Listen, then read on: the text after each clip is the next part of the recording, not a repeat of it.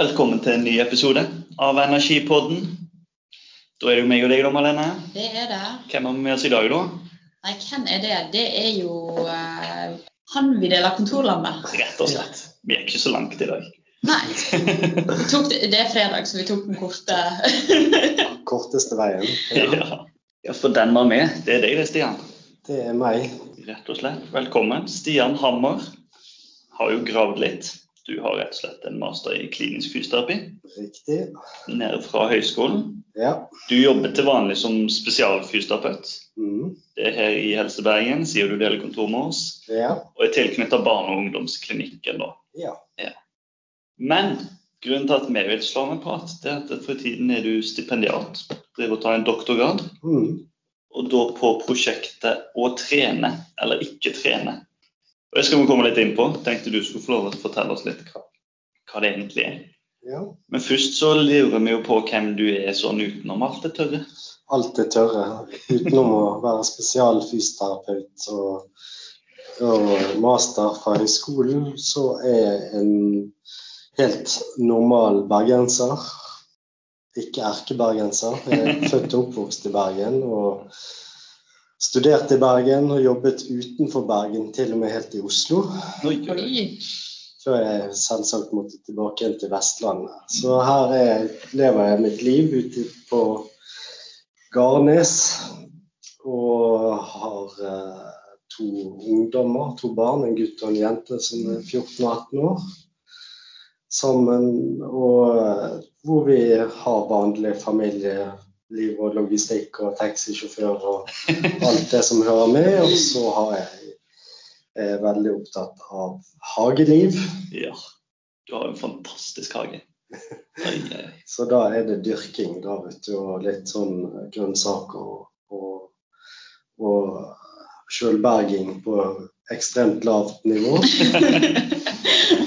Det passer jo bra, siden jeg har fått meg hus. Så jeg tror du må inn og som bistå litt. sånn hagekonsulent. Ja. Ja, ja, ja.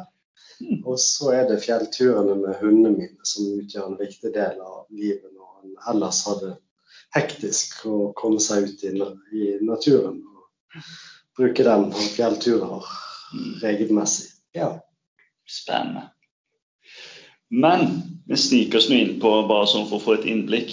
Både jeg og Malene er jo godt kjent med prosjektet ditt. Mm, absolutt. Men lurer på om du har lyst til å fortelle de store linjene på hva det går ut på likevel? Ja, skal vi ta de store linjene? Det er jo da at jeg får jobbe med dere to, og at vi får jobbe på Energisenteret, er jo en eh, fantastisk mulighet til å få lov til å utforske muligheter på vegne av barn og unge.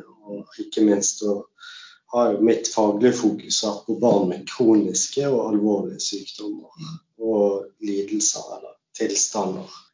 Og når vi har dette senteret hvor vi kan prøve ut fysisk aktivitet, som jeg tenker er det aller viktigste for barn og unge, lov som en arena for det å kunne delta og det å lære og det å sosialisere og alt dette vi vet er bra, eh, og mestre ikke minst, så begynte jeg å interessere meg, eller ønsket jeg kun, økt kunnskap om det å kunne tilpasse fysisk aktivitet til våre målgrupper. Og da, da valgte jeg meg selvfølgelig ut noe av det mest utfordrende og mest kjekke også. Og det var en gruppe med, med barn som har en muskelsykdom som heter Duchenne muskeldystrofi.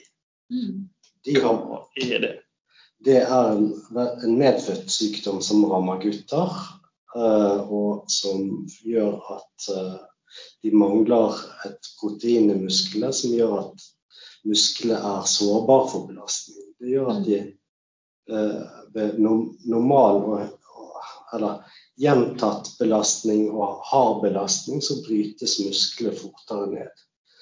Eh, Så de vinner ferdigheter de første leveårene, men allerede fra 9-10 års alder så begynner de å tape gangfunksjon. At de blir avhengig av å bli rullestolbrukere allerede 10-14 år. Mm. Så taper de deretter armfunksjonen sin, og til slutt da pustemuskler, som gjør at de har et mye kortere livsløp enn det man skulle ønske at de hadde. Mm. Så mitt prosjekt det nettopp som tittelen sier, dette å trene eller ikke trene. Tradisjonelt så rådet vi disse barna med muskelsykdom å spare på energien sin. Spare på kreften og bruke det på, på de aktivitetene eller tingene de hadde lyst til å være med på. Altså, det å bare, bruke energien sin til heller å bruke den på skolen. Uh, vanlig undervisning og deltakelse der. Uh, eller lekeaktiviteter. Uh, og nyere forskning, eller det vi vet i dag, er at, at vi vet at for hard trening er ikke bra for dem, men vi vet også veldig godt at for lite trening eh, gjør at disse guttene og disse barna med muskelsykdom at de blir fortere dårligere enn om de, Mm. eh, om de hadde trent. Og det er der vårt prosjekt kommer inn, og ser på hva, hva, hva, hva, skjer når de får tilpasset trening og øvelser de klarer å gjøre med de muskler som fungerer på kroppen, Mm. som er moderat intensitet over tid. Og da, Mm. da er det jo slik at uh, vi tror at det vil bevare deres mulighet til å fungere. Og Mm. vi håper at de skal bli mer fysisk aktiv og få andre generelle gevinster av det også. Oppleve mestring, bl.a. Oppleve å kunne gjøre ting de ikke hadde hatt mulighet til å prøve ut eller visste de kunne gjøre på en trygg måte. Ja. Mm. Det er, jo, ja, det er jo veldig spennende og, og litt eh, Altså, folk flest tenker vel at ja, men fysisk aktivitet det er jo bra uansett. Mm. Eh, men her har vi ei gruppe som faktisk, eh, i hvert fall fra tidligere, har blitt fraråda å være i fysisk aktivitet. Mm. Eh, men som vi nå ser at jo, kanskje de har faktisk, som alle andre, eh, en fordel av å være i fysisk aktivitet, men må tilpasses på en helt annen måte enn for folk flest. Det er på en måte ikke gitt at fysisk aktivitet er bra. Mm. Det er jo egentlig ganske interessant, og Mm. kanskje ikke så kjent. Så det er jo veldig spennende det dere holder på med, da. Absolutt. Det blir jo litt mer komplisert enn de prosjektene vi er vant med. Der det er litt sånn Ja, vi vet at fysisk aktivitet har jo nytte, så Kjør på. Bare, ja, Ja. vi må bare finne ut hvordan folk ønsker å være fysisk aktive. Ja. Men hvordan skal du eh, gjøre dette rent konkret? da? Et stipendiat er jo et fireårig prosjekt. Det er et tre-fireårig prosjekt hvor, uh, hvor vi nå er i ferd med å sluttføre første del. Altså vi ha laget en systematisk oversikt over effekt av trening for gutter med Duchenne. Og uh, der vi har sett på forskning fra 1966 og frem til i dag. Som vi håper da på å få publisert om ikke altfor lenge Mm. den vil vise da, si noe om hva vi har grunnlag til å gå videre med, og hva vi ikke har kunnskap. Da er det dessverre det siste som fremdeles råder etter også en slik oversiktsartikkel. Ja, for der har du kommet såpass langt at uh, Mm, du vet litt sånn hva som finnes av tidligere forskning. absolutt. Er det så tynt at det ikke er noe å hente ut av det, eller har du noen uh, indikasjoner? Vi har nok noen indikasjoner. Vi vet uh, bl.a. at, at uh, regelmessig trening, daglig trening, Mm. med lav til moderat, eh, moderat eh, belastning, at det er trygt for dem. Det er ingen av de som rapporterer om uheldige bivirkninger Mm. som følge av treningstiltakene som er blitt brukt. For det er jo klart at du kan jo tenke deg, i og med at de har muskelsvinn, Ja, så kan du tenke at trening, som jo er å bryte denne muskelen for at den skal bygge seg opp igjen, at du kanskje vil ha forsterka prosessen med nedbrytingen. Det som er frykten. det er det som er frykten. Helt riktig. Uh, at man da ikke nettopp får denne regenereringen av muskelvev når Mm. man Men- har ja, Ja, unnskyld nå. Nei, for jeg bare tenker, Nå sier du at du trener med moderat intensitet. mm, Men det er jo det vi kaller et relativt mål. at Trener du på moderat intensitet, så er det ikke sikkert at det er mm, samme type puls eller samme type vektbelastning som det jeg ville gjort. Ja. Så hva, hva betyr det for disse guttene her som i utgangspunktet kanskje har litt redusert muskel?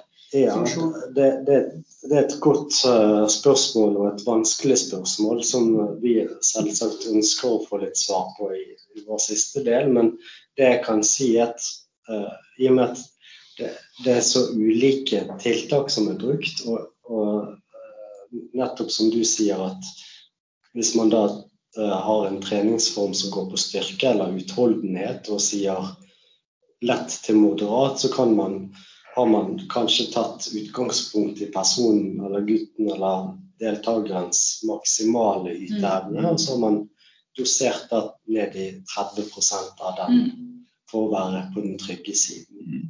Eh, og aldri over 50 og Mm. maks. Eh, når det gjelder de studiene som har sett på mer utholdenhet, så har man brukt subjektiv oppfattelse av eh, belastning. Og da har man brukt gjerne Borg-skala eller Omniscale som en parameter, og da vil, vil man instruere at man eh, trener eh, At det oppleves noe hardt. Mm. Akkurat som man i folkehelse Mm. eh, anbefaler at man skal være fysisk aktiv voksne 30 minutter om dagen og barn minimum 60 minutter. Og at de da skal eh, kjenne at du Det skal være såpass hardt at du kjenner at pusten Mm. eh, pustearbeidet øker, men at du kan føre en samtale. Mm. Så det er på det, innenfor Ja. der. Men allikevel altfor for, uh, homogent eller eh, forskjellige svar Mm. i forskning til nå. Mm. Utfordringen er jo da å få store nok studier med, og gode nok design på vanskelig Eller ut, pasientgrupper med store utfordringer. Mm. Litt av utfordringen her er jo òg at Duchenne er jo ikke en sykdom man møter på hver dag. Det er det ene. Og som du sier innledningsvis, så er dette en sykdom som bare gutter får. Så man har jo heldigvis, helt jeg på si, så er det en ganske lav del av befolkninga som har den sykdommen. Men det gjør jo òg at det er jo ikke nødvendigvis så enkelt å få en stor N, som vi sier. Altså en, et, et stort nok utvalg til å kunne si noe generelt om Nei, Og og jeg tenker jo nettopp det at vi jobber ut ifra et eh, universitetssykehus med et regionansvar, og som har et eh, Så eh, har, har vi her, her på senteret en unik mulighet til å samle denne type kunnskap. Til glede for kollegaer ute i, i kommunene, som eh, gjerne ser en slik pasient i løpet av hele sin karriere Mm. i beste fall, men de blir eksperter på sin pasient. Mm. Mens vi blir gjerne eksperter på et større utvalg. Mm. Og ved å samle og, og samarbeide nasjonalt med de større universitetssykehusene, så eh, håper vi at vi herfra senteret skal kunne bidra med kunnskap utover vår, vår helseregion. Og, og gjerne da, danne fagmiljøer som kan, kan hjelpe disse familiene. Mm.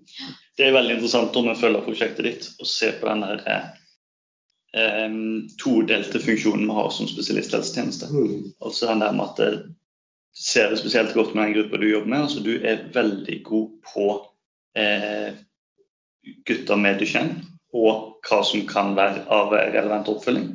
Men så er det som du sier, altså, det er de som er behandla ute i kommunen, som kjenner den enkelte. Mm. Der er det såpass store variasjoner at det er gøy å se hvordan du må snu deg fra å være den som virkelig har peiling, til å være den som faktisk må få informasjon og lære av eh, behandlerne ute i kommunen. Mm. Og det er jo du ganske god på å balansere den. det er helt avgjørende kunnskap for oss å få deres erfaring og, Mm. eh, med her når vi nå skal, skal gjennomføre treningsstudien. Og nå har vi jo snakket litt om hva vi vet i dag eller ikke vet i dag. Og så er det jo det andre delen av prosjektet hvor vi faktisk spør oss Altså det sier seg selv at eh, når du har en funksjonsnedsettelse, om det er kjenner eller andre ting, så vet vi at barn med muskelsykdommer i hvert fall, at de er, eh, er inaktive, fysisk inaktive, og mer inaktive enn sine friske jevnaldrende. Mm. Det er jo på en måte en selvfølge. Men det vi spør om i delprosjekt to, er jo da hva betyr det? Mm. Eh, hvor aktiv er du faktisk? For det, det kan jo være de som da mottar all mulig hjelp, og at de er ufrivillig eller frivillig eller blir passifisert med Mm. hjelpemidler og tilpasninger. Mm. Du har andre deler av skalaen hvor du kanskje har veldig aktive gutter som er med på veldig mye. og Det er mange parametere. som vi ønsker å beskrive sånn røftlig hvor fysisk aktive guttene i Norge med denne diagnosen. Hvor mange snakker vi om da? Jo, vi, eh, det, det tenker, eller det vi eh, vet, så vidt meg bekjent når jeg har snakket med alle helseforetakene i Norge, så er det rundt 50 gutter Mm. i alderen 6 til 18 år, altså skolealder. Ja. Eh, Så disse guttene, familiene, blir i disse dager spurt om å ta del i denne kartleggingsstudien Mm. hvor vi da kartlegger fysisk aktivitetsnivå. Da, det de må gjøre der, er jo da å svare på spørreskjema. Et som er tilpasset det å ha, leve med Duchenne. Mm. Eh, Da spør vi om hvilke type altså familieforhold, eh, fritidsaktiviteter, behandlingshjelpemidler, aktivitetshjelpemidler, hvilken type behandling du får i dag Mm. fysioterapeut ergoterapeut. Eh, Og eh, som, som er mer tilpasset av denne målgruppen. Og så bruker vi et spørreskjema som er blitt benyttet til uh, norske skoleelever gjennom tre årskull. Mm.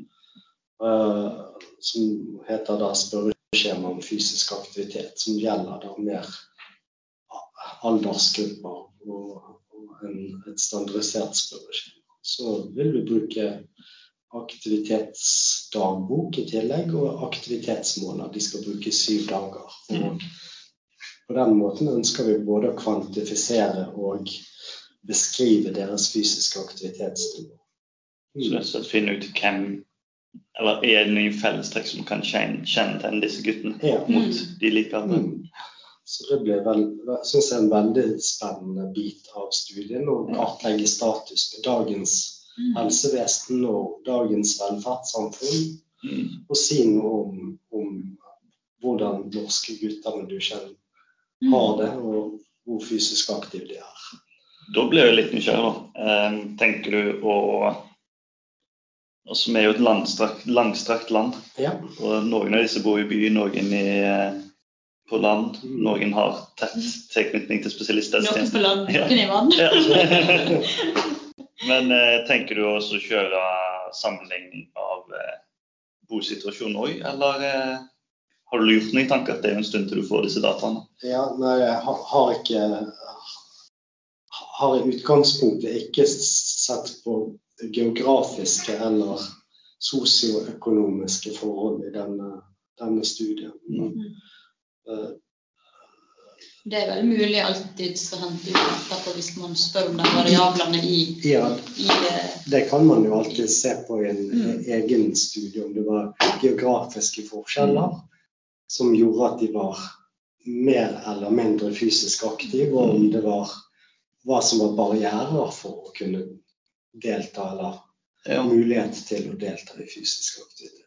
Mm. tenker på det å knytte mye mot sånn som når vi snakket med Idrettsbergen Sør f.eks. Altså dette her er jo en typisk gruppe som ikke nødvendigvis har så mye aktivitetstilbud hvis ikke de bor eh, en plass der det er tilgjengelig. Mm. Absolutt. det, men klart det er jo en litt liten gruppe òg, med totalt 50 stykker. Mm. men det er jo noe vi kan være litt bevisst på framover. mm, Absolutt. Men da har du to deler. da. Altså Første er jo da eh, oppfølgingen Nei, eh, å se på oversikt av hva som er gjort til nå. Ja. Så har vi del to, som er kartleggingen av eh, hvem er disse. Ja.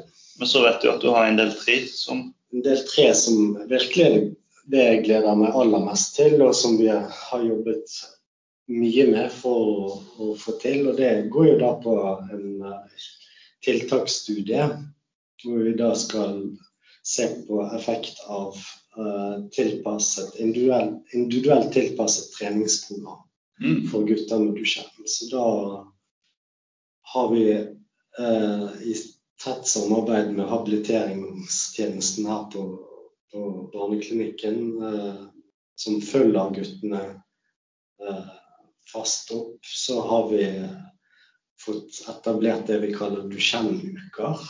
Mm. Hvor guttene skal komme. Dette er jo en, naturlig nok når all muskulatur rammes, så blir jo dette det vi kaller multiorgansykdom. Mm. Så den affiserer da mange ulike organer.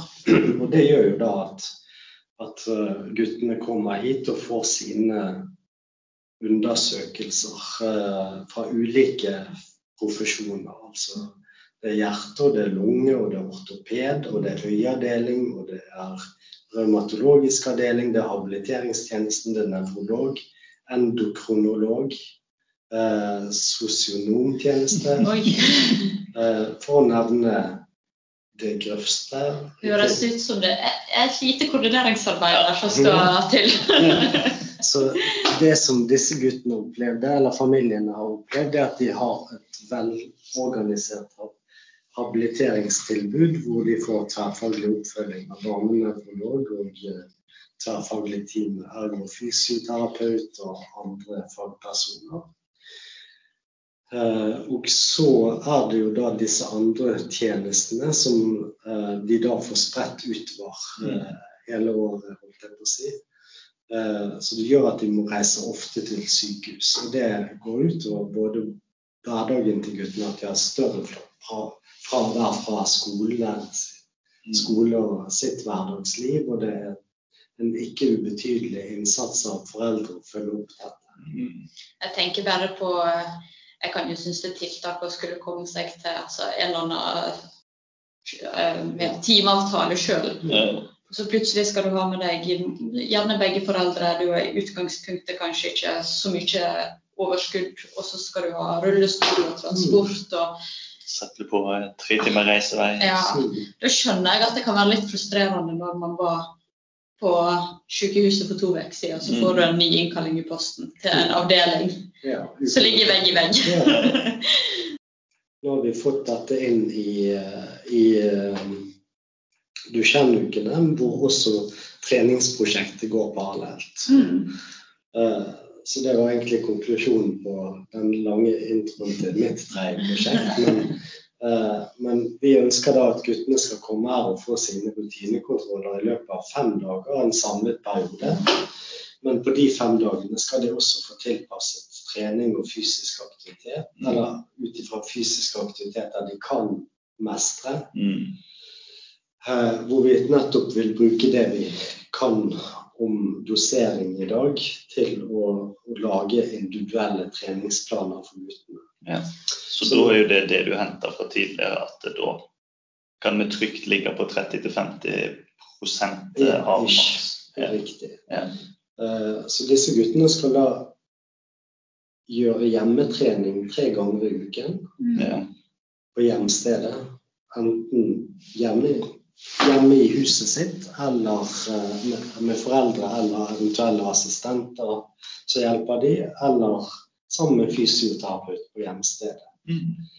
Eh, og så vil, vil de komme på da totalt tre slike opphold hvor de testes og får tilpasset trening i løpet av eh, ett år, altså tolv måneders oppfølging. Og da skal vi måle hva som skjer med dem ut ifra hvordan er endring i fysisk aktivitetsnivå. Mm. I delstudie to kartlegger vi hva er vanlig for gutter i Norge. Hva skjedde med denne gruppen når de fikk tilpasset trening over tid. Så det er hoved, hovedutfallsmålet vårt. Så ble jo en store forskjellen på det hovedutfallsmålet at eh, normalt så vil vi legge inn en treningsintervensjon og forvente at de som trener, forbedrer seg mot de andre.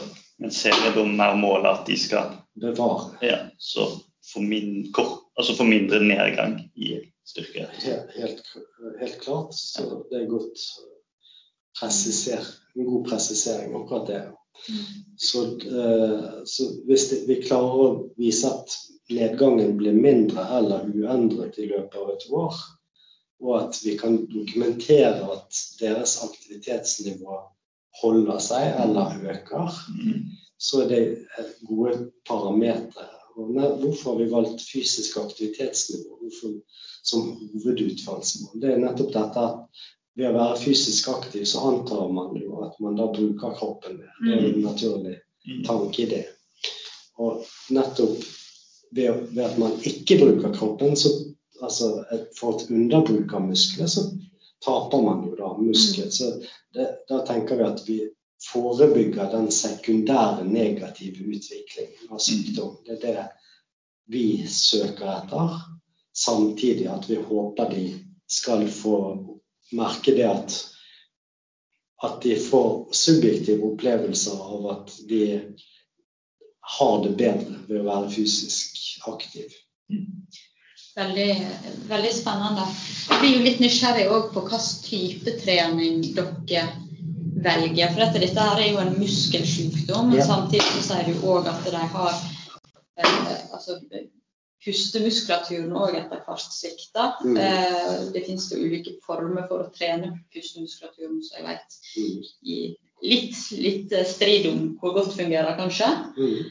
Eh, og så er det jo den komponenten også, du nevner, at de òg skal ha glede av det. Ja. Så hvordan liksom Det er mye som påvirker her. Hvordan, hvordan finner dere ut hva som passer den enkelte? Det, er, det gjør vi på flere måter. Det ene er at vi skal reise hjem til guttene. og i, ved baseline eller ved oppstart, fire uker før vi starter, så skal jeg reise ut til å ha et samarbeidsmøte med familiene og deres fysioterapeuter. Mm. Hensikten med det er å se på hvilke eh, er jo selvsagt å fortelle om hva de har i vente, med ukeplaner og, og innhold på opphold og hva de selv må gjøre. Det andre er at vi blir bedre kjent og skaper en relasjon. Det tredje er at vi nettopp kartlegger hvilke muligheter har du for fysisk aktivitet og trening der du bor, og hvilken type trening ønsker du selv å delta på. Mm. Eh, Men alle guttene Det er ikke det at vi ikke hører på dem, men vi er nødt til å standardisere til en viss grad for at vi skal kalle det vitenskapelig. Så det vil vi standardisere ut ifra hvilket funksjonsnivå de har. Så vil, eh, vil på en måte øvelsestypene og eh, bli mer skreddersydd de ulike funksjonsnivåene, enten de da er fremdeles er gående, eller om de er tidlige rullestolbrukere, eller om de er sen rullestolbrukere som har dårlig armfunksjon. Mm. Uh, utover det så skal vi variere treningen vår, Mm. som jeg tror er en nøkkel til, til etterlevelse. Og det vil si at vi skal ha to økter i uken med, som går på muskelstyrke og funksjonell styrketrening. Mm. Vi skal ha én dag i uken med, med uh, mer utholdenhetspreget aktiviteter. Mm. Uh, så standardiseringen blir styrketrening ganger to per uke og Ja. utholdenhet én gang i uken. Uh, individualiseringen er funksjonsnivå og type trening, Mm. mens intensiteten og tiden blir lik for alle. Mm. Det er det beste vi kan få til. Mm. eh, Ut ifra uh, både at det er klinisk relevant til senere bruk, uh, men også um, vil det gi oss en del indikasjoner for videre forskning. Mm. Men det er jo en fin balansegang òg, for at du kan jo ikke Det gjelder jo, har vi gjort flere ganger, Ja. altså trening av barn og ungdom. Da kan vi jo ikke gå inn og si eh, si ti ganger tre med den øvelsen. Så det høres ut som en fin balanse. at Mm. muskel og funksjonell muskeltrening. Nå kunne vi jo sikkert brukt lang tid på det, men da har vi en såpass stor pakke at du får jo mye individualisering innenfor den. Mm. Mm. Det, det, er noe, det er jo en av utfordringene våre. ikke sant? Hvis til sammenligning med en funksjon, eller en såkalt frisk person, hvor du kan lage Mm. veldig standardisert Mm. opplegg. Mm. Eh, og det vil også være kritikken mot studien. At, eh, eller svakheten med studien. At, eh, at det, det er ikke nok tilstrekkelig kontrollert. Mm. Der tenker forskningen må kunne justeres til disse relevant for pasienten. Så Det er akkurat det som er eh, liksom brytningen i dagens forskning, tenker jeg. At man ja, det er en lang diskusjon, men man kan godt diskutere, diskutere og, og se på hva er det som anerkjenner god kunnskap. Mm. Eh, og der tenker jeg at uh, forskersamfunnet godt kan gå litt i seg selv. Ikke, tror ikke jeg skal si meg uenig i det. Det er jo en veldig, veldig spennende og kanskje etter hvert viktig, viktig diskusjon, ikke minst hva gjelder behandling og undersøkelse av barn og ungdom. Da. Mm. Eh, Så det er jo, og ikke minst også overførbart til veldig mange andre pasientgrupper enn Mm. enn bare Russland. Mm. Men du har jo nå eh, rekruttert en del pasienter, Mm. og du har hatt noen av dem og snakka med dem allerede. og hatt dem på sånn, ja, skal vi si en liten pilotering. Mm. Eh, hva er reaksjonene deres? Er de eh, klare for det her, eller eh, Jeg tror eh, at guttene syns dette er spennende at de skal Ja. få komme her og ikke minst møte hverandre. Mm. Og få lov til De vil nok synes det er drita kjedelig å ha de vanlige og kanskje økende grad av testing når de er her. mm, Uh, Men jeg er sikker på Så de gleder seg til å være med. mm, Men de har jo ikke noen forutsetninger utover det som jeg har fortalt, og hvordan dette vil oppleves in real life. Eh, Men uh, de aller fleste er positive, og de er som folk flest, eller gutter flest, eller gutter ut ifra sin alder, de, eller barn, at de syns det er noe virker greit, det å og ha, og så kan de dette ut av mm. De er seg selv. Men du nevner jo noe viktig der, da, og det er det med at de får møte hverandre. Ja. Så sikkert eh, eh, ikke nødvendigvis når du får en time litt tilfeldig her og der, at du Mm. går forbi noen med, med samme type problemstilling. Og det tenker jeg jo eh, at både for, for pasientene sin del kan Mm. være greit å treffe noen i sitt, eh, tilsvarende situasjon, men kanskje minst like mye for pårørende. Absolutt. At de får dele erfaringer og tanker og ja. Det er akkurat det. At det, sant, det er såpass liten gruppe at de aller fleste kjenner til hverandre. Mm. Eller mange av de da, og har vært i kontakt med hverandre. De syns det er fint å komme her. Og det, jeg tenker nettopp det der at hvis du har en møter andre foreldre i samme situasjon, Mm. men der du nå har en gutt som er, er syv-åtte år, og du får møte en forelder som har gått gjennom barneårene med sin 14-åring, eh, og kan være en støtte og en ressurs. Og ikke minst dette med forskjeller. eh, Og si noe om hvordan det er i kommunen der jeg bor. Og at man kan få vite om ulike sider av oppfølgingen, på godt og vondt. Så Det er jo egentlig for vår del det er jo et Mm. prosjekt til eh, etterlevelse. Absolutt. Som begynner å ta tak i særlig disse gruppene som er krevende for eh, behandlerne utover spesialisthelsetjenesten å følge opp, fordi at eh, du ser kanskje én eller to i løpet av en hel yrkeskarriere. Og så klare å kjøre, kjøre sånne prosjekter på de, det er viktig. mm. Det bør en bruke tid på. Men når jeg nevner tid, så har vi snakket oss av gårde i dag. For dette var jo så fantastisk. Ja. Alltid veldig spennende å Mm. høre på det du har å si, Stian. Men du slipper ikke unna disse her eh, faste spørsmålene våre. Mm. Så da, jeg tror faktisk jeg begynner i motsatt rekkefølge enn hva jeg pleier i dag. Jeg. Sånn at eh, Nå har vi jo vært veldig mye inn på det her. Skapmestring i fysisk aktivitet mot Duchenne. Eh, hva er ditt beste råd til folk som jobber med barn og unge, som har særskilte behov, for å faktisk kunne skape gode eh, minner i fysisk aktivitet for disse barna? Det er regel, grunnregel nummer én er å bli kjent med det barnet. Mm. Og faktisk ta den barnet eller den ungdommen på alvor. Og faktisk eh, spørre dem hva de liker. Mm. Og hvem de ønsker å ha aktivitet med. Vil du gjøre dette alene fordi du syns det er rart, eller du ser annerledes ut, eller Mm. hva nå enn du måtte slite med eller ha utfordringer. Uh, og dernest prøve ut å la de få mestre det de selv sier de ønsker at de vil. Mm. Og at de har det kjekt med Ja. det de Hvis de klarer å ha det kjekt med det de skal holde på med, så er det grunnpilarene ut ifra min erfaring i forhold til den etterlevelsen at de fortsetter. Mm. Og du har jo ganske lang erfaring etter hvert med å jobbe med, med barn og unge på, på Haukeland med ofte eh, store utfordringer i å ja, ulike tilstander. Forskjellige tilstander. Ikke sant? Til, til tross for din unge alder. Ja, til tross for en unge alder, Ja. kan, kan jeg lene meg tilbake. Ja. Ja, men Det er veldig bra. Og eh, til tross for din unge alder, så har du jo sikkert òg eh, et og annet erfaring med fysisk aktivitet sjøl. Og Det leder oss inn på det andre spørsmålet vi spør alle. Og da lurer jeg på, eller vi lurer på, hva er ditt eh, beste minne med fysisk aktivitet?